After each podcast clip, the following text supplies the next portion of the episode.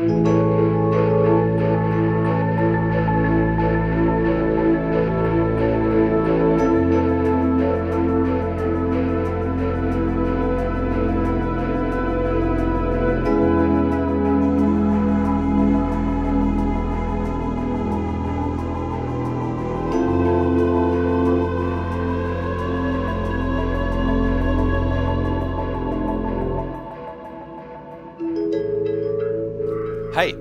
velkommen til episode 21 av Spillpedagogene. En podkast om spill og digital kultur. I dag så har vi med oss Halvor, Hei, hei. Tobias Hei sann. og meg, Odin.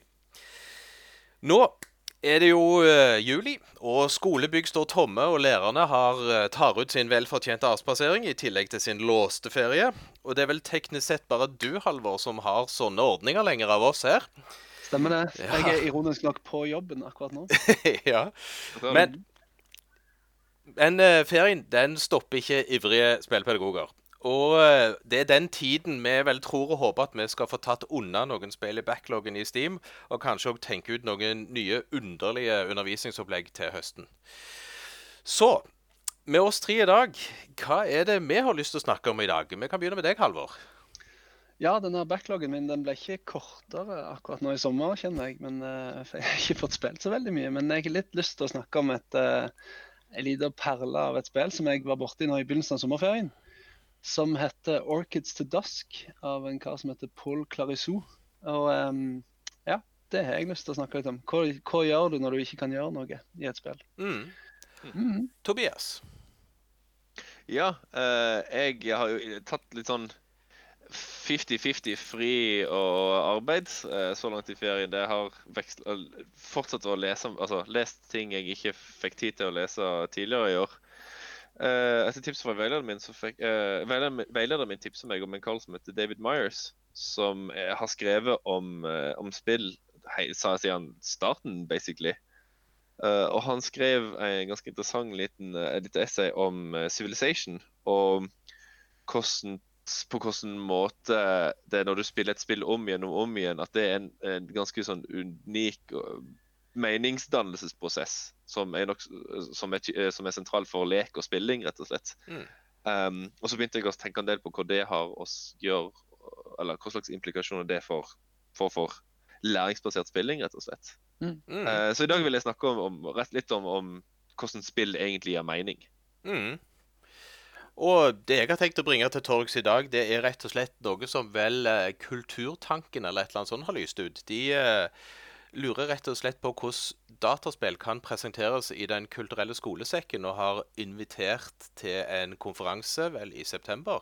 Men òg samtidig at folk kan komme med innspill. Og, og de har jo hatt en sånn liten vri på dette med at, at hvordan kan vi bruke spill som eh, et estet, en estetisk opplevelse i forbindelse med Den kulturelle skolesekken. Og sånn trigger jo meg eh, relativt bra. Så jeg har allerede begynt å skrive på et blogginnlegg som heter et eller annet sånt Den kulturelle skolesekken, dataspill og det vakre. Mm. Eh, bare for å se. Så, så jeg kommer til å hente mat fra det vi snakker om i dag, altså. Bare sånn at det, det er sagt. Men yes. Halvor. Orchids to dusk, var det ikke det? Ja. Jeg underviser ikke i religion og etikk og sånn, men eh, da jeg spilte det her spillet, så tenkte jeg at oi, det her har jeg lyst til å dytte på mine kollegaer når de kommer tilbake på planleggingsdagene i høst. Altså bare få de rett inn og, og se om det her er ikke noe de kan bruke. da. Eh, veldig koselig Nei, ikke koselig i det hele tatt. Det er strengt tatt motsatt. Um, et veldig mørkt spill som handler om døden. Og, eh, og som går ut på at liksom, du, du krasjlander med et romskip på en eh, planet i en galakse langt vekke. Og oppdager når du, når du kommer ut av dette romskipet at du har en oksygentank og x antall minutter igjen å leve. Og Mm. det er det er strengt tatt spillet, da. Du skal vandre rundt på denne planeten, og, og så er det sånne oaser rundt forbi som du kan gå og kikke på. Og så blir du etter hvert oppmerksom på din egen eh, skjebne. og så tenkte jeg sånn Det mest fascinerende med dette spillet ikke, er ikke at det er så veldig lite, eller noe sånt. Det er den, den reaksjonen du får hos deg sjøl når du oppdager Å ja, sånn tenkte jeg i begynnelsen av spillet, og sånn her tenker jeg nå. Hva slags strategi har jeg for, for, for resten av min eksistens i dette spillet her? Jeg synes det var helt Den opplevelsen der, den skal ikke spoile, for den var så fabelaktig. Mm. Men i et sånt religion-etikk-perspektiv, da, så, så tror jeg at eh, det kan ha veldig mye for seg, da. Ja, jeg, Eh. eh, jeg har spilt gjennom deg òg. Jeg, jeg har den samme fascinasjonen med, Mm. med at du går inn i det spillet med din tilmålte tid, og, hva Ja. du faktisk ender opp med å bruke den til. Og, hva, du- og hva du faktisk tenker om hva du har lyst til å bruke den til. Ja, nettopp. Og så, får du en sånn En har jo gjerne sånne strategier for ja, hvordan skal jeg finne ut eh, løsningen for å, for å komme ut av denne knipa. da. Altså, Sånn man gjør i, i vanlige spill. Ja. hvor man liksom har altså Man må finne et eller annet, eller man må trykke på et eller annet. eller noe sånt. Her, eh, her må, ja, kan man jo selvfølgelig prøve det, men det hjelper ikke. Og så, og så blir det til en sånn eh, en, en erkjennelse av, av at eh, dette her blir når, når vi gjør noe verdifullt med, med livet mitt. Ja. Hmm. Og, For, jeg har ikke spilt det, men jeg, jeg antar altså, Får du liksom Får en slags sånn der, eh, nedtelling at så mange minutter har du på deg, liksom? Ja. Så er det ja, du, har sånn, du har en oksygenmåler som synker og synker og synker, og hvis du beveger deg, så synker den fortere. Og jeg antar at det ikke er noen pickups som gjør at du får mer oksygen? Nei. Eller noe sånt? Eller ikke som jeg har funnet, i alle fall. Men det skjer noe fascinerende hvis du ikke gjør noe i spillet. Ja, Og det er, jo, det er jo det vi ikke må røpe så mye om. altså... Ja. Altså, eller vi kan si det kort at det er verdt å ta seg litt pause inn i disse oasene som er, Mm. og bare se hva som Mm. skjer. Og, og det slo i, Hos meg så slo han begge veier. Altså, det, det skjedde en del ting som på en måte var fint, og så skjedde det en del ting som overraskte meg. Mm. Og som gjorde at jeg måtte ta et standpunkt i spillet som var, var, var, var Den tok meg faktisk på sengen. Og det får være en liten sånn teaser til de som ikke har uh, prøvd det. det. Det er jo et uh, itch-spill, så det er jo la, gratis å laste ned og litt Det sånne er det. ting. Og det, det. med, til dere som lytter på podkasten, så legger vi selvfølgelig ut en lenke av dette eh, som dere kan finne spillet på. Ja.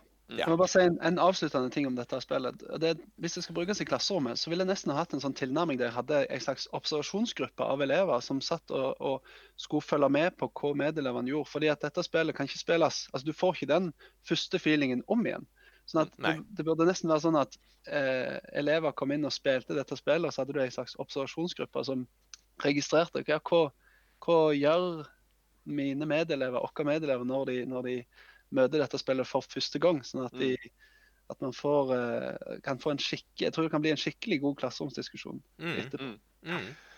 Mm. Det, er mange, det er jo en del spill som, Rogelikes, eksempel, som er spill for de som ikke har spilt det så mye. At Spill der du får en sånn tilfeldig generert level, så du bare har ett liv på å prøve å komme deg gjennom. Eh, og hvis du dør, så må du på en måte begynne helt på nytt. I mange moderne spill så er det jo et eller annet som går videre. Men Mm. så der vet du at du kom, altså at du bare har ett liv på å klare det, men du vet ikke helt når du dør. Men bare det at du har denne her nedtellinga, Mm. må jo endre innramminga for spillet fullstendig. Mm. Ja, ja. Ja. Mm. Og, spes og, spes og spesielt den Du kan se en del sånne oaser lenger vekke, og så er liksom Rekker jeg å gå der? Eller ikke? Hva, hva skal jeg gjøre? Du, du, du har et spill som heter Er det The Outer Wilds det heter? Det er bare på Epic Store så langt. Men der er det en sånn lite spill der du har 20 minutter på hver omgang. Men du restarter hele tida, og, og, du har bare 20 minutter på å liksom utforske og løse lø- Løse én liksom gåte. Du er, du er en liten astronaut som er i et solsystem der sola som kommer til å sprenge om 20 minutter. Oh, Ja, og så må du ja. ristarte om igjen og om igjen, og da utforsker du flere og flere deler av, av eh, det her lille solsystemet. da. Jeg, jeg kjøpte det, jeg har ikke Ja. spilt det ennå. Men, eh, Det, det hørtes spennende ut. Det har fått veldig god kritikk. Ja. Eh, Jeg har lyst til, å- lyst til å teste det senere. Til tross for Epic Store. Til tro, ja, det er, eh, jeg, jeg, er fortsatt en sånn eh, pri, prinsipp, eh, prinsipiell motstander av Epic Store, men, men eh, litt så tenker jeg ja, pokker heller. Nå kjøper jeg den, Altså The Observer, nei, Observer kjøpte jeg òg. Å ja. Ja, det, ja, ja, det fins jo for flere. Ja. Mm. Eh, men Uansett. Journey kom jo på Epic Store som exclusive. Ja, det òg var irriterende. Mm. Uh, men yes. Uh, Tobias, du lurer på om spill gir mening, du? Ja. jeg, jeg egentlig, det er egentlig en sånn fin Segway fra uh, er overgang fra um, det, det spillet som Halvor snakker om, til det jeg har lyst til å snakke om. Fordi at um, et sånt, sånt, slags tema som har dukka opp nokså liksom, organisk og naturlig eh, de siste månedene med avhandlinga mi, er liksom den, er nettopp den meningsdannelsesprosessen det er å spille et spill. Og for, bare for noen dager siden så leste jeg endelig ferdig avhandlinga til Jonas Lindroth. Sånn, da har jeg lest den fra perm til perm.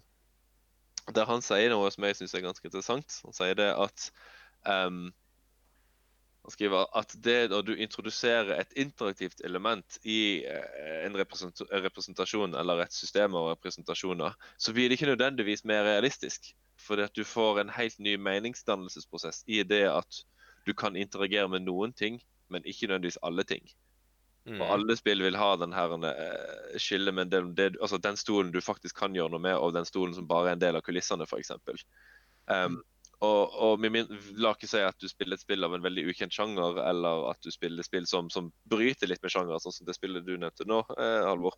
Ja. Så, er du, så er det ikke bare et bilde du kan liksom se på som, som Ja, du er overlatt til å bare se på og tolke, men det er noe som kan gjøre at du gjør ting. Mm. Og da vil det være noen elementer i et spill som i, i- til en viss grad har sin egen Altså som kun har mening innenfor rammene til spillet, eller som får en annen type mening innenfor rammene, til spillet. Jeg har f.eks. nevnt tidligere på en annen episode hva skjer med, med en spilleren sin oppfattelse av en, en, lav murvegg som du plutselig ikke kan klatre over. Da Mm. går den murveggen fra å bety noe som tilbyr klatring, til noe som tilbyr hin et hinder, rett og slett. Mm. Um, og han uh, viste seg at, at um, Lindroth i de observasjonene av disse ungene Han, han har basert hele avhandlingen sin på barn som sitter og spiller forskjellige Nintendo-spill og PC-spill osv. Og, og, og, og i ofte så var det så var det interaktive elementet det var tvert imot ikke noe som hjalp barna å forstå temaet til spillet. Altså Det spillet han, det handler om på et rent sånn overordnet tematisk nivå.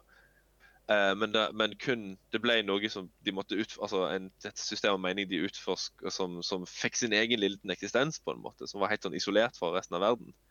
Mm. Um, og i den gang, de tilfellene de fikk noe ut av temaet, så, så, måtte, så var det kun når de visste noe om temaet på forhånd. altså At de visste noe om dyr når de spilte Sims, eh, eh, Zoo Tycoon eller hva de var de spilte, osv. Så, videre, og så, så det gjorde jo at jeg begynte å tenke på, på hva slags forutsetninger dette gir for eh, spill i skolen.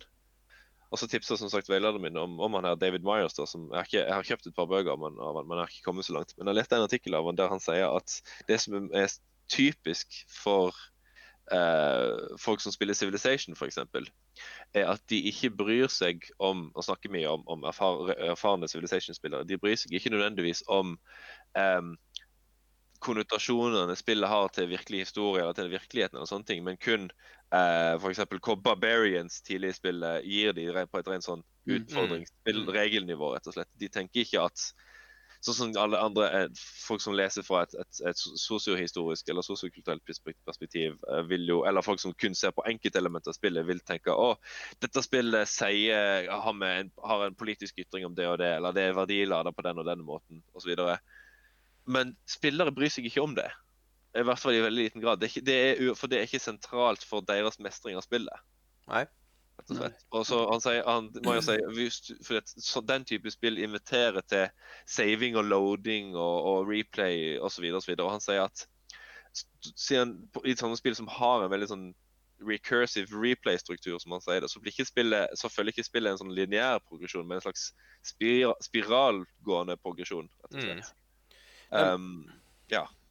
Ja, altså da tenker du sånn altså, Det blir jo litt det som vi har snakket om. altså Spillet i seg sjøl lærer deg jo ikke egentlig noe annet enn spillet. Nei. Uh, Eh, eh, og, og, og det er jo det vi ofte har jo lagt i dette læringsbasert spillingbegrepet. At det, det er jo Mm. vi som lærere som må på en måte ta spillet og sette det i en kontekst i undervisningen som gjør at det gir mening i en undervisningssituasjon. Ja, Men, Og da har jeg Men det er noen tilfeller altså, han sier at den mening, altså, kjernen av den meningsdannende prosessen i spill er nettopp spilling. Det er, det er måten Ja. du utforsker reglene og, og, og, og hva det betyr for noe. Det er ikke dermed sagt at spilling ikke kan føre til ny innsikt om verden på et eller annet vis. Eh, bare for noen dager siden så husker jeg en komp jeg snakket, diskuterte nettopp dette med noen kompiser. Um, og da brakte de opp et eksempel fra Daisy, hvis noen av dere har spilt det.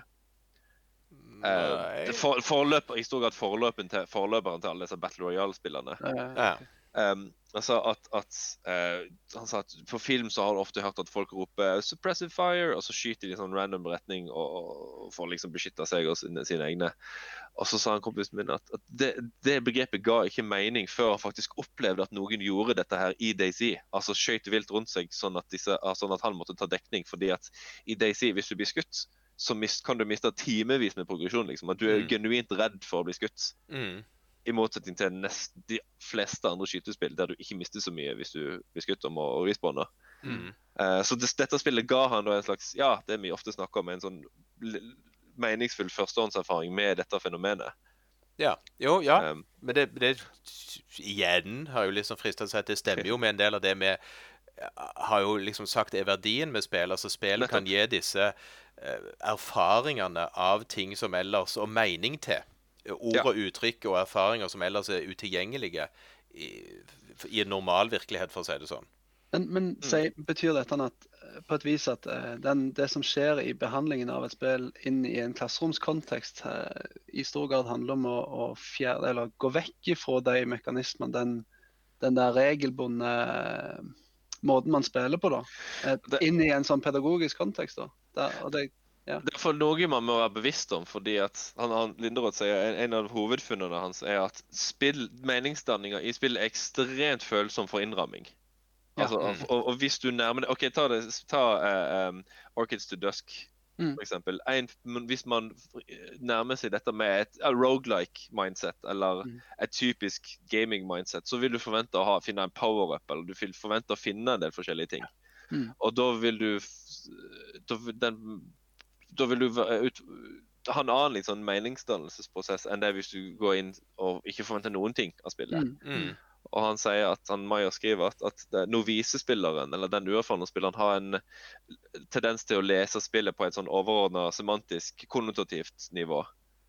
Der Mm. de trekker paralleller inn til spillet Civilization eller et annet sånn, et spill satt til andre verdenskrig, f.eks. Så vil de si um, å, setter, å ja, dette stemmer jo ikke, eller å, sånn var ikke sånn det skjedde, og så Ja. videre.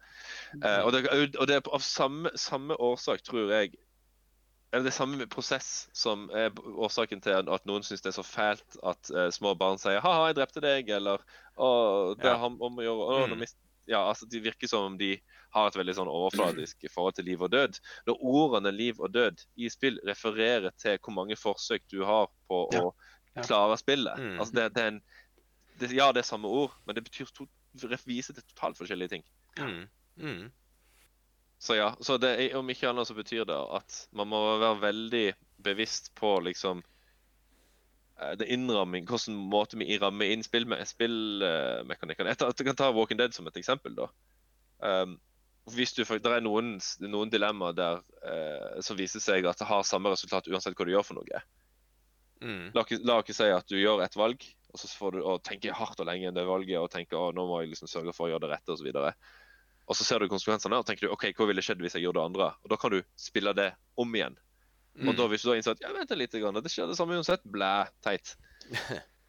Ikke sant? Da, da, da, da kan det være at den illusjonen brister veldig fort. Mm. Ja. Kanskje, for noen spillere. Jo, jo, men det er jo, det er jo litt det som Vi, vi kan vel røpe litt da, Tobias, at vi, vi, vi har jo putla en stor på Spoiler! ja. Det er det. Nei, det er jo ikke, det er jo ikke en spoiler for, for, for andre Nei. enn oss sjøl. Vi putler jo med et blogginnlegg. Eh, som, som jo tar opp deler av denne rammen, egentlig. Dette med, Mm. med dataspill som kulturuttrykk og dataspill brukt som verktøy i undervisningen. Mm. Eh, og, og, og det er jo mye av det vi på en måte sliter med, altså den, eller ikke sliter med, men som vi tygger på. Altså dette med når elevene kommer inn, og, og de jeg, forventer at spillet blir brukt som det vi da i denne bloggen, blogginnlegget kaller som et spill som kulturuttrykk, altså som en hel pakke. Med, Mm. med på en måte at eh, spillet er tenkt brukt sånn som de som lagde spillet, ville at det skulle bli brukt, med de rammene som spillet på en måte presenterer. Mm. Uh, og så kommer læreren og kanskje bruker spillet mer som et verktøy til, til ting som ikke ligger egentlig innenfor rammen av spillet, eller Mm. i større eller mindre grad. Inautentisk bruk av Ja. autentiske læremidler. Ja. Eh, og, og da kan du få det at elevene jo reagerer feil, i anførselstegn, på måten de spiller spillet ut ifra hvordan lærer ville at de skulle spille spillet, fordi læreren da legger en annen ramme på dette. Du nevnte speedrunning, eksempel, av eh, Var ikke du, Halvor, som nevnte det?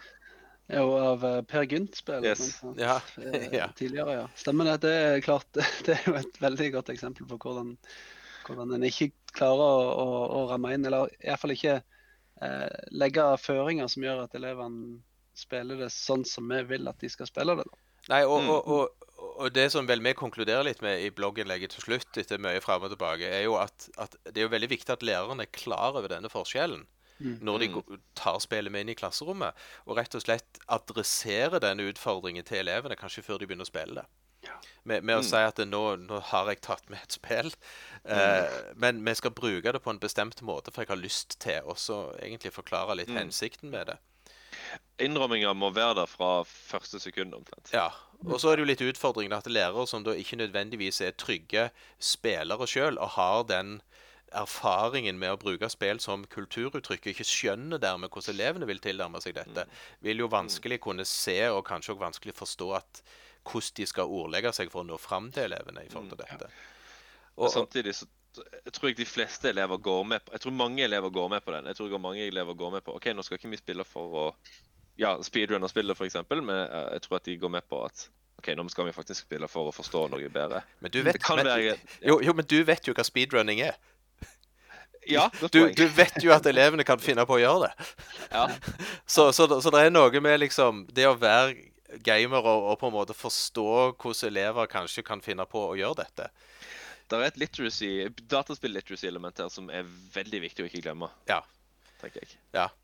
Uh, og den andre ting som, som er jo kanskje utfordrende, som du nevnte nå, Halvor, med, med, med seg Per Gynt, at Per Gynt havner jo i den der litt sånn vanskelige mellomkategorien med at det er vel egentlig et læringsspill.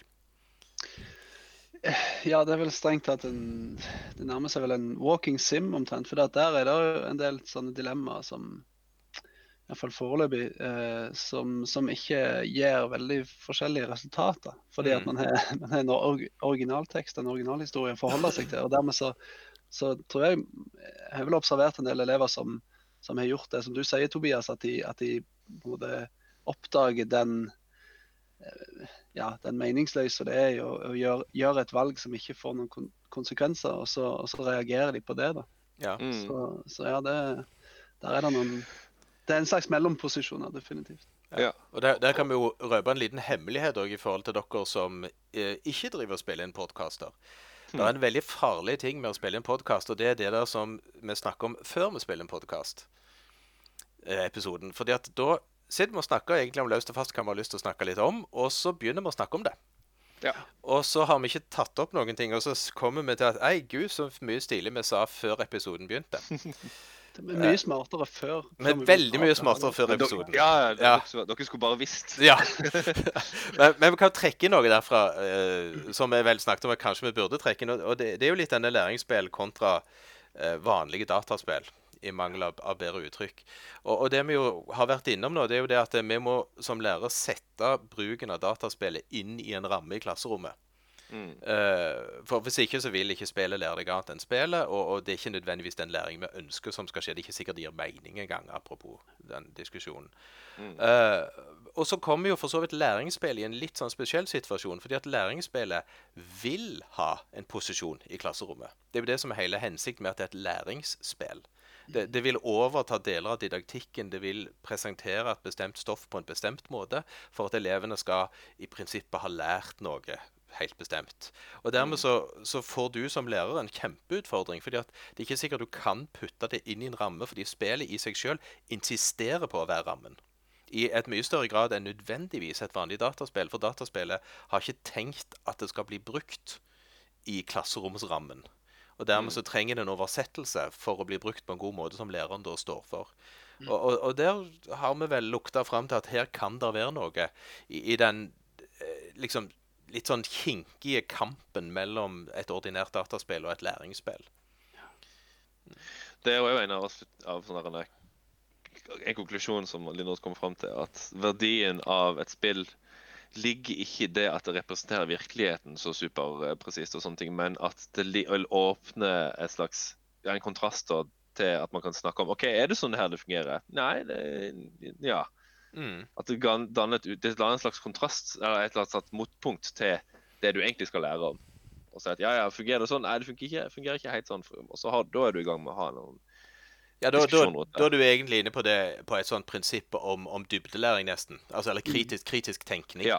Jeg vil Ja. si at uh, kanskje et av elementene i dybdelæring eh, går på det med å teste hypoteser. Altså det- det å drive med hypotesetesting. Og det er klart, der kan jo spill være et, et rom for å teste ut hvordan ting funker og ikke funker. Da. Og Mm, det er definitivt innenfor dybdelæringsbegrepet. Nettopp. Mm.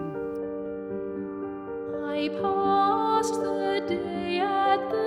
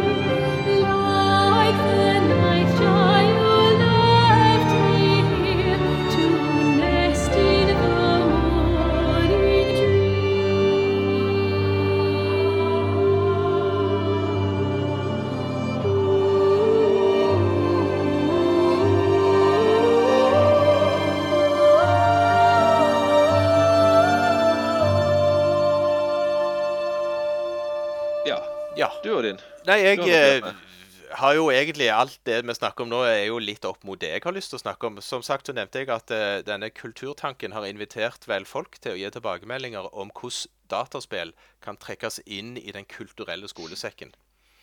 Uh, og, og de vil ha en samling om det. Og så er de ulike invitasjonene har hatt litt ulike ordlyd. Det er én ordlyd som er veldig åpen. altså Hvordan kan vi bruke dataspill i den kulturelle skolesekken? Takk for inn tilbakemeldinger. Og den andre er litt mer spesifikk og sier hvordan kan dataspill som estetiske opplevelser brukes i den kulturelle skolesekken? Og, og den trigger meg bitte litt mer, og, og de har holdt den i et par av beskrivelsene sine, men ikke alle. Og, Mm. og, og jf. hvordan den kulturelle skolesekken stort sett har fungert, så er det jo det at eh, de inviterer jo ut til liksom Vi vil at noen må lage en konsert om et tema, og så er det interessenter som melder seg inn til dette, og så plukker de ut og, eh, en, en aktuell gruppe som får reise rundt på skoler i, en, i et fylke eller to, eh, og, og presentere denne konserten for elever. Ulike aldersgrupper nødvendigvis. Eh, og ideen der har jo ofte vært at det har vært i klassiske kunstforståelsen av, av eh, hva kultur er. Sånn at det har jo vært eh, mye musikk, dans, til en viss grad bildende kunst, litt litteratur. Så, så det er relativt klassisk.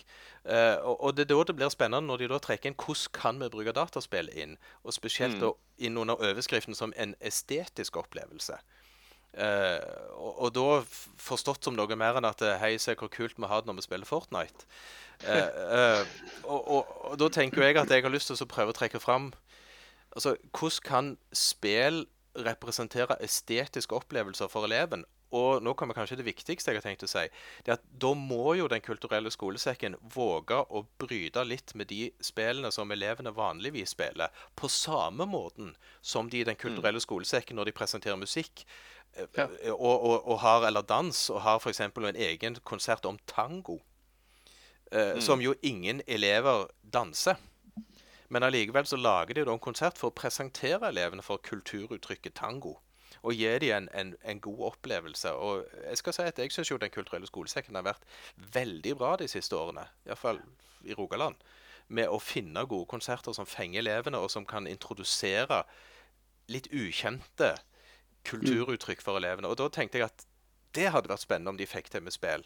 Og det er jo da jeg begynner å tenke på altså, hva er det jeg ville kalt et vakkert spill? Hva er det som gjør spill til et, en estetisk opplevelse? Altså estetikk, læren om det vakre i den forstand. Mm. Og, og da trigger du meg med, med masse spill jeg har lyst til å trekke inn. Og både i forhold til altså Du kan jo se på det som både som musikk, det visuelle og bevegelsen i det. Du kan òg trekke fram for så vidt historieelementet i spill. Og så om det fins en egen sånn liten X-faktor, spillet i seg sjøl. Altså som, som mekanikkene rundt den måten alle disse andre kulturuttrykkene er pakket inn på, som òg gjør spillet til et vakkert spill. Og, og det ser jeg du, Tobias, du har du trigget pusten hører jeg hele tiden. Jeg skal pine deg litt til. Jeg skal pine deg litt til. Fordi, at, ja, eh, fordi jeg, har, jeg har spurt broren min, som er interessert i fotball. Jeg er fryktelig interessert i fotball. Men, men jeg vet jo òg at det, det finnes jo en, et vakkert skudd, et vakkert mål. Men det finnes ikke vakre fotballkamper. Ja, å, hæ? Jo. Eh, Ikke, nei, ikke Ja, følge ja. han. Det finnes interessante, det finnes bra, det finnes enestående. Men ordet vakkert om en hel fotballkamp er kanskje mer sjelden. Dette har Kjartan Fløgstad skrevet flere essay om. ærlig talt. Nå må jeg arrestere deg. Han har har skrevet om den, den, den fri, vakre, frigjørende pasningen i fotball-VM i en, Jo. på en Argentina-kamp. Jo, men, da, det, det da, jo, men da, er det, da er det pasningen som var vakker. Ja, ja, det var målet som var vakker. Altså, men om en hel kamp kan være vakker På samme måte som du kan si at grafikken i et spill er vakkert, musikken er vakker, men er spillet vakkert? Okay. jeg, jeg tror Tobias må få si det. ja. Jeg, jeg syns at spørsmålet bærer litt ut på ville veier. Og det er fordi at hvis du spør om enkeltdeler av spillet er vakre, så er det litt, eller om enkelte pasninger er vakre, så er det litt som å spørre om enkelte pennestrøk i et maleri er vakre, eller om enkelte, enkelte takter i den stemmen i et stykke er vakre. Det er jo helheten som skaper den estetiske opplevelsen. ja. Eh, jeg tror, Og vi må passe oss på litt på for å være reduksjonistiske eller være litt sånn ehm, ikke, ikke gå- glipp av det holistiske og helheten osv. Nei, altså, og jeg er enig. Jeg vil jo Jeg mener jo det finnes spill som er vakre som spill. Eh, og jeg kan jo bare trekke fram altså Det er jo en klassiker, Journey. Eh, eh, det finnes andre, men, men jeg vil bare løfte fram Journey som spiller. For de som ikke vet hva Journey er, da har dere bare med å bli vant med Epic Store. Og kjøp det for en 140 kroner, eller finn det på PlayStation. Og spill det. Eh, poenget er at det visuelle er vakkert. Musikken er unektelig vakkert. Og jeg mener jo òg at bevegelsene i spillet i forhold til måten ting blir flydd og beveget på, er òg bevisst lagt vakre. Men de har jo òg trukket det så langt som at selve spillmekanikken i flerspillerdelen av det er lagt vakkert. I den forstand at du er ikke i stand til å ødelegge for hverandre i spillet. Du kan bare hjelpe hverandre. Som er jo en sånn snedig triks fra de som har lagd spillet. Og at du får det på en måte Og så er jo det er en slags fortelling som jo òg jeg syns er vakker. Men det vakre er jo til en viss grad subjektivt, så, så andre kan synes andre ting. Men, men da vil jeg sagt at hvis du spør meg om Journey er et vakkert spill, ja, for all del. Og så tror jeg, jeg synes, Når vi først snakker om Journey, så tror jeg jeg vil si at, at når vi snakker om musikken og, og det visuelle og sånne ting, så er jo det elementer altså Det er ikke sentralt for spillet, egentlig. Ikke som Fordi sådan, nei. Nei, for, ikke som spill, fordi at det er ting som spillet deler med andre uttrykksformer. Mm. Men jeg syns OK, husk, det er en sekvens der du skli, surfer nedover disse den lange, lange sand... Eller bakken, altså sletta, liksom. Ja. Det som en kinestetisk spillopplevelse Ja. er vakker, for det føles utrolig digg og sånn taktilt, nesten. Ja, og, og, og faktisk så er jo det en av de tingene Jeg spilte det jo på PC nå, med mus og tastatur. Og Mm. det var jo nedtur. I forhold til å Ja, spille det med kontrollere på PlayStation. Det kan, lett, det kan jeg lett se for meg. Og da er du inne på et veldig veldig sentralt poeng i det at måten du spiller på, altså det å ha en håndkontroller med, med Rumble aktivert og hele pakka, er en veldig viktig del av opplevelsen. Mm. Mm. Og den er totalt lost for den som ikke spiller. Mm. Mm. Det er sant. Jeg Men har et forslag til en tittel på Kulturelle skolesekken. da. Kan jeg komme med den? Ja, selvfølgelig. Jeg vil gjerne se Ragnar Tørnquist dra på norgesturné sammen med et lass med lisenser til Draugen i kofferten og snakke om hvordan, hvordan man lager en, en vakker og trist historie fra norske fjordlandskap for elever i, i, i skolen. Ja. Det hadde Ja, det er et verdig, Det hadde jeg fors hørt det er et verdig forslag, det, altså. ja. Ja. Fordi, det, fordi dere som bare hører og ikke ser, så sitter jeg og nikker anerkjennende. Ja. Nei, men, men, men, det er jo, men det er jo det som jeg tenker er litt ideen, at, at, at Den kulturelle skolesekken kan benytte anledningen til å presentere spill for elevene som er bærere av et estetisk, en estetisk opplevelse, og, og prøve å formidle denne opplevelsen til elevene. Med, med sin dybde i det. Og, og dermed så må de kanskje våge seg ut på spill som, som har andre, mer da kanskje estetiske verdier enn nødvendigvis de spillene elevene sitter og spiller hele tiden. Og så må vi huske på at, at dette er en av de liksom, fremste plattformene et internasjonalt publikum møter forestilling om det norske. Og Ja. får kultivert sine forestillinger om det norske. Ja, i forhold til Draugen. Ja, ja, ja. Yes. Altså, jeg tror vel jeg sa det, men jeg sitter ennå med en sånn der Bare det at han åpner med den uh, Vinje-sangen Mm. mm. Og, og så, så satt jeg på en måte og tenkte at Men jeg forstår han jo. Jeg er norsk. Jeg kan norsk. Jeg kan for øvrig resten av sangen òg. Det er jo et frampeik av dimensjoner i fortellingen. Og så sitter jeg og tenker at alle disse engelsktalene, eller andre som sitter og spiller, de har jo ingen idé. Nei, jeg, jeg òg fikk sånn der total, nesten, nesten en mindfuck-opplevelse. Tenk så mange nyanser som er tapt for den ikke-norsktalende spilleren. Ja, Eller òg i brevene i, i Ja, ja, Draugen, ja. Som, der, der, som er skrevet fullt ut på norsk i bildet, men der fortellerstemmen bare leser utdrag. Ja, for du, du, har, du, har- du har tilgang til en helt annen form for eh, ja, hva skal vi si, del av historiefortellinga, når du faktisk kan lese og ikke er nødt til å høre på hovedpersonen si ja da, ja da, ja da. altså, ja, ja. Det er så kjapt, liksom. Ja, og jeg, jeg skal ennå si, og nå må jo folk ha spilt det, så nå er det for så vidt ingen Altså, når han leser i kirkeboka, når de Mm. får satt sammen de Å, Oh, det er så kult. og, og, og liksom og ser detaljen i den kirkeboka. Jeg satt bare og bladde i den hele tiden og nistirret i alle detaljene. Ja, ja. Jeg, det var Nei, det De har gjort, de har gjort, har gjort researchen sin òg der, altså. Også så Mm. til de grader. Mm. Så, men det, var et godt forslag det, Halvor. For, for Få han ut på turné. Ja. Få han ut på turné sammen med spillet. Mm. Eh, Så jeg har jo lagd meg en egen liten liste over sånne ting, men det jeg må føye til Draugen. Skrive Draugen. Men, det, men det, jeg er helt enig, Alvor. Det er akkurat sånne ting jeg tenker eh, Kulturell skolesekken er i en unik posisjon til å få til. Mm.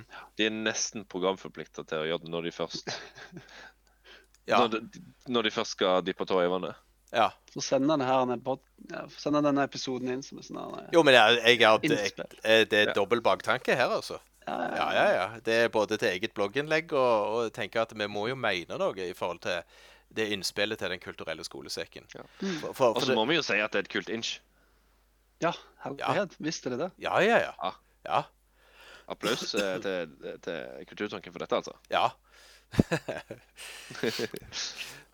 Men det som er også viktig å si i forhold til med spill som estetiske uttrykk, eller estetiske opplevelser, det er jo det at det er jo ikke nødvendigvis at grafikken er steinbra, eller at musikken er helt sinnssvak, som, som gjør det til en estetisk opplevelse, som for så vidt du sa, uh, Tobias. Det er jo noe med den helheten som, som på en måte gjør at du kan pakke sammen omtrent et pikselspill med, med blipp-blopp-lyd til, til en veldig helhetlig estetisk opplevelse, Følelsen av å hoppe i Super Mario Bros. er en estetisk opplevelse. for eksempel. Å, husker dere Patapon til PSP? Nei, der har jeg bare sett på. Åh, snakk om Åh, Du måtte trykke i rytme for å få denne lille hæren din av figurer til å gå framover og slåss. Å, det var Å, Mm. stå! Det er en estetisk opplevelse av Jo, jo, jo for det, det er jo litt den jeg, jeg fabulerte med. For, fordi at i den ene enden av estetiske opplevelser i forhold til det visuelle på, i, dataspill, så har du jo den berømte The Uncanny Valley. Som vi jo snakket litt Ja. om i, i episoden om, om grafikk og, og dataspill. Altså, Det er jo ikke nødvendigvis å få det så naturtro som mulig som er poenget, men at det har en slags kunstnerisk helhet i Mm. uttrykket, og at de velger seg et uttrykk og dyrker det uttrykket på en måte som, som gir mening. Og, og det er jo nesten et spill som vi har nevnt flere ganger, den uh, The Return of the Obra Dinn. Å, det er bra. Ja, ja, ja, et steinbra spill. Og jeg mener jo at det som estetisk opplevelse Jeg, jeg syns det er jo helt hinsides, men grafikken er jo banal på sitt vis. Ja. Ja. Det er to, to nyanser. Ja. så, så, så det er liksom igjen hva de klarer å velge av det som, som er. Og igjen, DKS-en, det å, å hente fram og lære elevene å se etter estetiske opplevelser i spill. Mm. Og det, det, det er eh, nok et sånn, litt sånn behind the scenes-blikk for uh, lytterne. At, eh, vi har jo vi har en, vi har en intern eh, eh, side der vi har det diskusjoner her og der. Um, der i hvert fall, ma- ma- var ingen andre som sparte på det, men jeg slank iallfall ut at en på en bemerkning om at spill i, i de siste i 25, eller siden starten egentlig har blitt i snitt mer urealistiske og, med, og, og mindre komplekse i spillbarhetens navn. Fordi at eh, realisme er tungvint, og kompleksitet er tungvint. Der Civilization og Total War og ehm, XCOM og sikkert mange andre spill har liksom droppa funksjoner og droppa realisme etter hvert fordi at de skal bli mer strømlinjer og mer spillbare. Mm. Jo, og jeg fikk aldri svart deg på den, så jeg kan ta den nå. Haha. Ja. Nei, og jeg, jeg tror du har rett i forhold til spill som kom ut i serier. Altså Civilization 8, liksom. Men det er jo sjangre, tror jeg. ja, men, men samtidig så vil det alltid være en eller annen rar indie-kar etter hvert nå. For det er jo et nytt marked igjen de siste årene, med at du får mm. uavhengige utviklere som plutselig lager en eller annen simulator som er überkompleks. Ja, For det finnes jo et publikum der. Ja, ja, det gjør så. Det gjør så. Og, og jeg tror jo på en måte at det, blir litt sånn at hvis du først er i en serie, så, så, så fintuner de det inn for å bli en populær serie, som jo gjør da at du tar vekk kompleksitet ofte. Eh, For, for å gjøre det enklere. Men samtidig så vil du da få at det kommer andre innenfor samme sjanger som lager noe veldig mye mer komplekst. Og som slår an, og så blir det en serie, og så forenkles den òg. Så jeg, jeg tror det er litt sånne bølger i en del av det der. Men, men at det at det har fått kommet flere altså mer eh, indie-utviklere som lager en del spill, tror jeg har hjulpet på en del av det der. Ja, det tror jeg òg. Men poenget mitt var, med den kommentaren var jo bare at, at, når vi sier realisme i spill, så mener vi ofte fotorealisme. Veldig ofte. Ja, ja jo. Så vi må, vi må passe oss på, på bare være litt obs på at det er, ikke, det er ikke nødvendigvis sånn at spill liksom graviterer mot en realistisk fremstilling av virkeligheten. Tvert imot, som, som Linderud skriver, så kan det være at et interaktivt element, gjør det motsatte. At det graviterer og spiller mot sin egen lille Ja, greie. ja. Kjerne av eh, mening eller et eller annet sånt. Mm. Um, men, det men, men så skal vi heller ikke Så skal det heller spi, ikke spille vær nødvendigvis realistisk og. Det skal jo ja, vise deg ting du La deg gjøre ting du ikke kan gjøre IRL og ja, det, det er det ene. og så er det jo det at det, eh, Og nå kommer kanskje vi, så meg og deg, Tobias, begynne en lang samtale. Altså Ofte så har jo spill denne innebygde hensikten. Altså det som spillskaperen ønsker å fortelle deg gjennom spillet. Eller ønsker å, å, å få til uh, i spillet. Vil jo måtte av og til si at jeg må legge rammer for deg som spiller for at jeg skal kunne presentere det, jeg, det innholdet jeg ønsker å presentere gjennom dette spillet. Uh, Jf. Uh, The Firewatch, eller Firewatch. Kjente det, der det var Firewatch. Altså, du, du kan ikke spille Firewatch som om det var en sandkasse. For, for da vil ikke han få fortalt deg den fortellingen som han egentlig ønsker å fortelle deg, som den walking-simulatoren simulatoren det er. Mm, Ja, du må Ja, jeg er helt, jeg, akkurat det er jeg helt enig. Du er nødt til å For å få ut For å liksom kose deg med en walk-in simulator, f.eks., så må du gå inn i en slags rolle. Ja. Rollespiller rollespille litt. Ja. Og da, må, og da trenger du rammene, og spillet må sette de rammene for deg. For, Mm. for hvis ikke så går du deg i praksis bare vill. Ellers innser du at Oi, det her ser det ut som jeg kan gå. Å ja, jeg kan jo ikke gå der. Og så vet du innerst inne at det det er ikke meningen at du skal ut og utforske. Du, du, får, du får lov av sandboxe når du har runda historien i Firewatch. Ja, det gjør du. Ja, ja, ja. ja. Det er en liten sandbox. ja. Jo, men det, det er en kjekk sandbox. Det- Ja, det er det. Ja. Jeg eh, spurte han junior hjemme, bare sånn tolv år gammel Du, hva hvis, hvis jeg skulle be deg om å fortelle, hva er et vakkert spill? Kan du gi et eksempel på hva du syns er et vakkert spill? Og det første som kom da, var Flower. Ja. Ja. Uh, og da skal vi forklare. Flower er et spill lagd av de som har lagd Journey. De lagde det i forkant av Journey. Og det er et spill til PlayStation. Uh, og der du rett og slett spiller et blomst... Eller du, du er et blomsterblad som skal fly innom andre blomster for å ta med deg de blomsterbladene. Og rett og slett skape om verden fra et litt eh, dødt sted til et veldig levende sted. Og det, og det er en estetisk bombe. Eh, og, og det var det han òg syntes. Han syntes det var kjekt å spille, og, og det var fordi selve spillinga ga noen god opplevelse igjen i form av kontrolleren, men òg at det ble så mye fine farger, og det ga en god opplevelse å spille. Og han opplevde det rett og slett som vakkert.